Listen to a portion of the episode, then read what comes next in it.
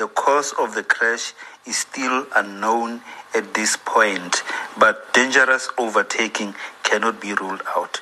Mpumalanga MEC for Community Safety, Security and Liaison, Mr. Vusi Shongwe is once more appealing to motorists to be cautious and also pay more attention to the rules in order to avoid needless loss of life and injury on the road.